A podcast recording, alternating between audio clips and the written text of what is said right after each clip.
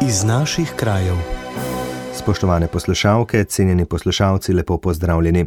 V tokratni oddaji bomo poročali o preventivnem delovanju za zmanjšanje smrtnosti zaradi srčnožilnih bolezni, gradnji javnih najemnih stanovanj v novem mestu, novih prostorih oddelka za invalidno mladino in rehabilitacijo otrok in odraslih v Stari Gori, ki mu je pred leti z izdatno donacijo poslušalk in poslušalcev pomagal tudi Radio Ognišče, jurjevanju z blagoslovom konj v slovenskih konicah ter razstavi tulipanov in drugega cvetja v Mozirskem gaju. Vabljeni k poslušanju.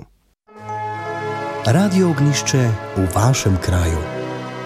Projekt Misli na srce je neprofitni, prostovoljni javno-zdravstveni projekt, ki deluje pod okriljem Društva študentov medicine Slovenije. Projekt deluje že od leta 1990, ko so študenti izvajali le delavnice, do danes pa so svojo dejavnost že zelo razširili. Želijo namreč osveščati slovenske prebivalce o boleznih srca in ožilja, ki so vodilni znak smrtnosti in obolevnosti v razvitem svetu. V zadnjih letih se umrljivost zaradi srčno-žilnih bolezni zmanjšuje, k čemur pomembno prispevajo prav takšni izobraževalni programi, kot je Misli na srce.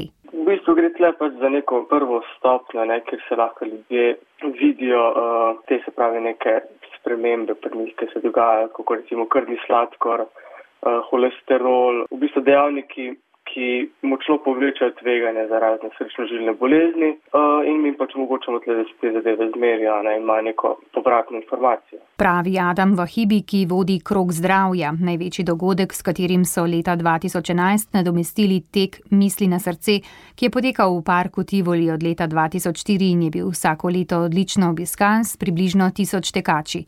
Tudi letos so na preširnovem trgu postavili stojnice, na katerih so mimoidočim izvajali brezplačne meritve.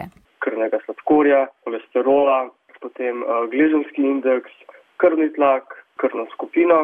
No, kot sem pa rekel, so pa zraven še uh, drugi projekti.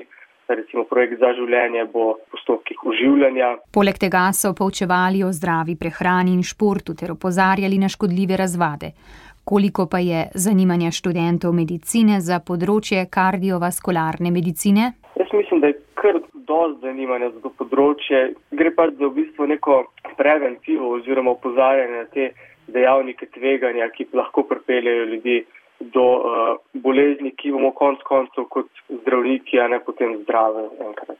Še pravi Adam Vahibi iz Društva študentov medicine Slovenije. Če ste letošnji krok zdravja, brezplačne meritve v četrtek zamudili, bo priložnost naslednje leto ali pa kakšna od delavnic ali drugih dogodkov projekta Misli na srce. Prispevek sem pripravila Petra Stopar. Radio ognišče v vašem kraju. V podbrezniku pri novem mestu so v preteklih dneh položili temeljni kamen za gradnjo petih večstanovanjskih stavb s 184 najemnimi stanovanji.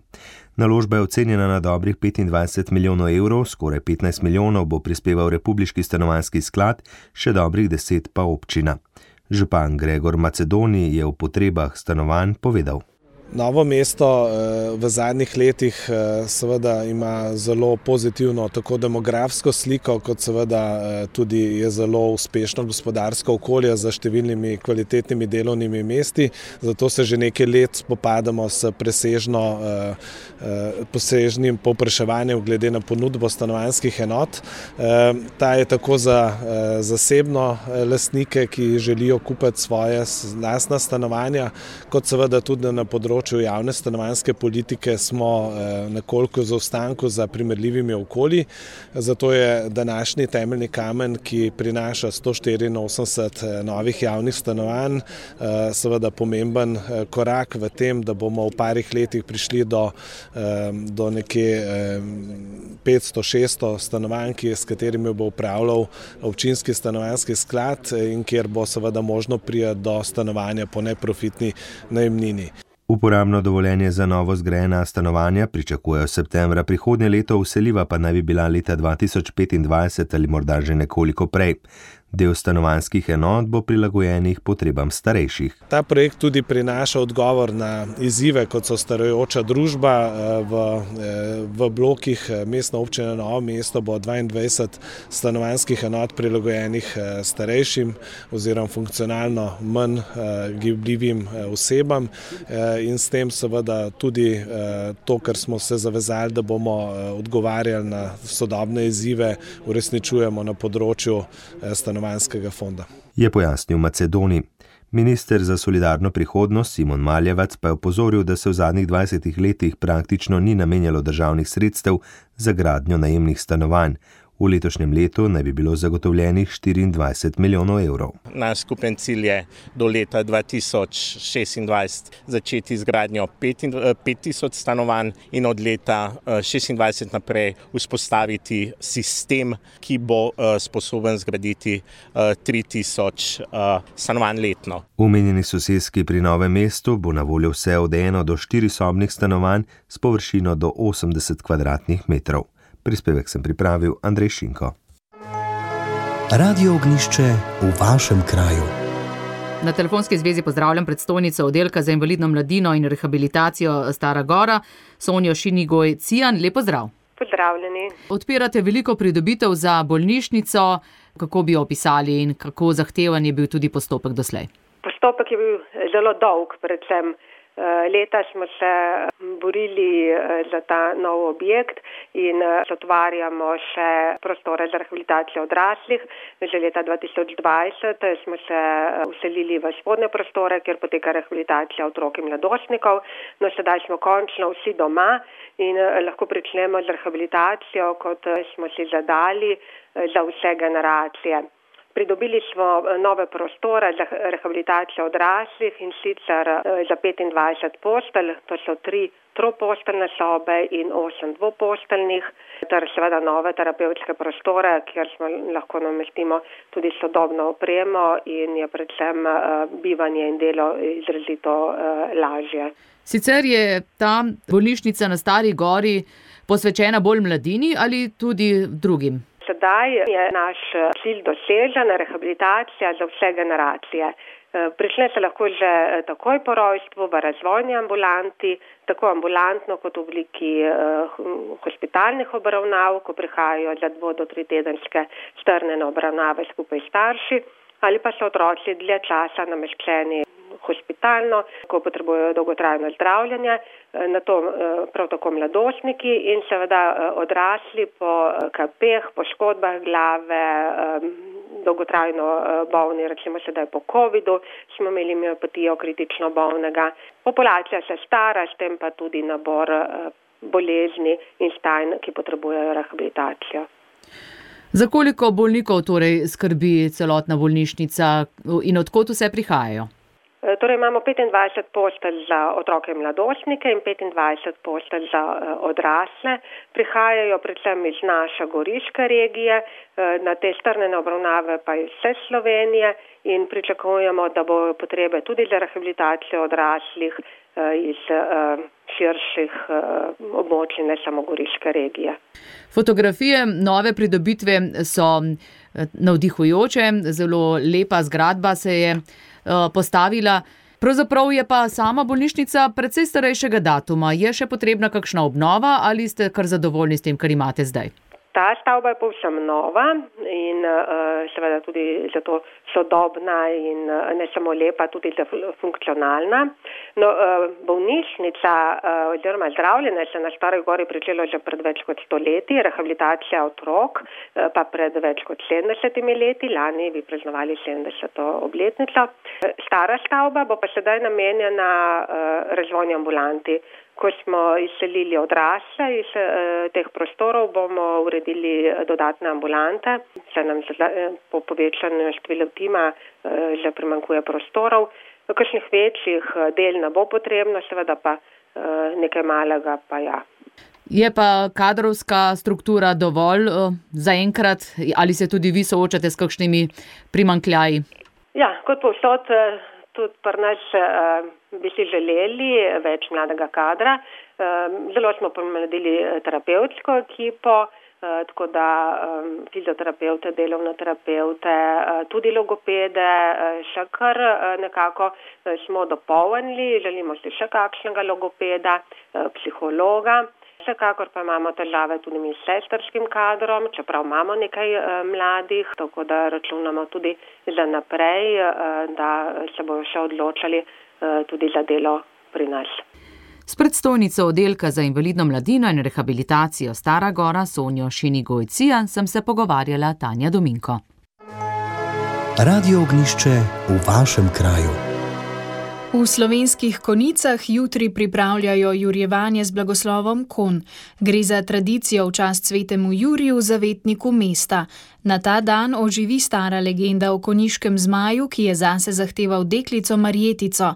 Obujanje legende je preraslo v tradicionalno jurjevanje, v sklopu katerega se bodo v konicah tudi letos vrstili različni dogodki. Z blagoslovom kon so začeli ustanovitelji društva Jurjeve konjenice in tamkajšnja župnija. Tradicijo tako ohranjajo že več kot 20 let. Blagoslov se vedno odvija na praznik svetega Jurija, ker vemo, da sveti Juri se vedno upodablja na konjo in je tudi priprošnik konjenikov.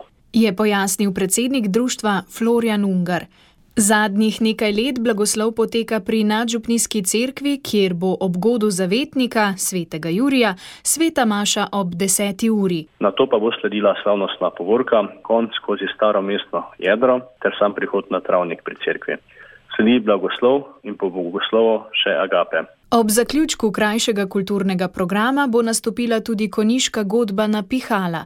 Letošnji praznik svetega Jurija ima za župnijo poseben pomen namreč župnijo stopila v čas, v katerem zbiramo denar za novi zvon. Z dogodkom organizatori želijo privabiti čim več obiskovalcev. Pričakujejo okoli 30 konjenikov v društvenih uniformah, tudi pet konjenikov v grajskih oblikah iz šališke konjenice, kar nekaj opreg in še posameznih praporščakov raznih konjeniških društev.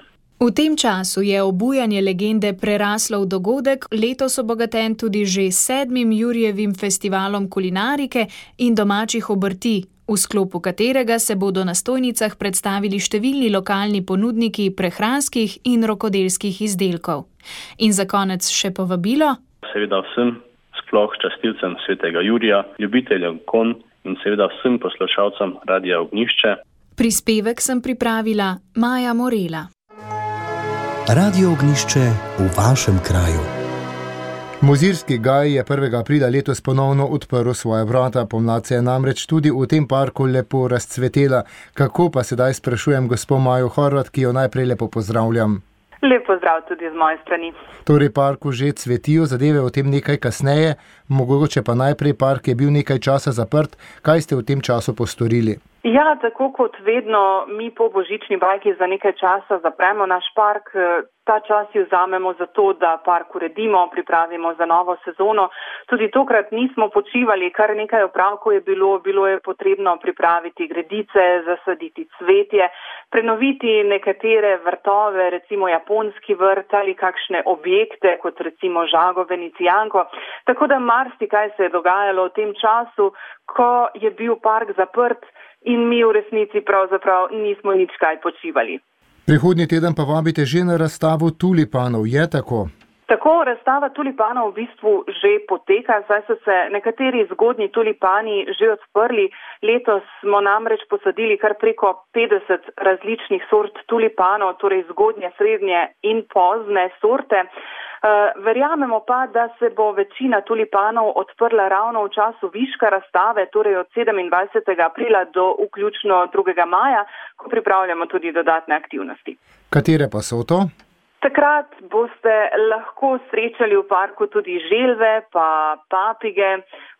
Organizirane bodo tudi nekatere druge aktivnosti za otroke, morda pa tisto, kar marsikoga sploh otroke še posebej veseli tudi risani junaki, bodo z nami, če le ne bo dežja, pridajo 30. aprila ter 1. in 2. maja in se bodo po parku v primeru lepega vremena sprehajali od 10. do 16. ure. Sicer pa vse od 27. aprila, kot rečeno, želve, papige, stojnice domačih obrtnikov, pa tudi še kakšno dodatno presenečenje, tako da obiskovalcem zagotovo ne bo doktor. Mogoče še to, Maja Horvat, kdaj je park odprt, kdaj se vam torej naše poslušalke in poslušalci lahko pridružijo? Park je odprt vsak dan, tudi med prazniki in vikendi od 9. do 19. ure. Odprt je že danes, odprt je že od 1. aprila in tako bo ostalo vse nekje do sredine oktobra. Tisti pa, ki želijo tudi več informacij in mogoče kaj pokukati, kaj že cveti, pa gotovo lahko najde tudi na vaši spletni strani in še bolje na vašem Facebook profilu. Tako je, trudimo se, da delimo vse, kar se dogaja v našem parku, tudi z obiskovalci, z našimi sledilci. Tako da, tako kot ste rekli, spletna stran, Facebook stran, Instagram, zagotovo boste našli kup podatkov. Želim vam vse lepo in naj cveti. Najlepša hvala tudi vam. Pogovor z Majo Horvat iz Mozirskega Gaja sem pripravil Alen Salihovič. To je bilo v današnji oddaji vse. Če se kaj zanimivega dogaja tudi v vašem kraju, nam to lahko sporočite na elektronski naslov deskafnaognisce.si. Hvala za pozornost in lep pozdrav do prihodnjega tedna. Poslušali ste oddajo iz naših krajev.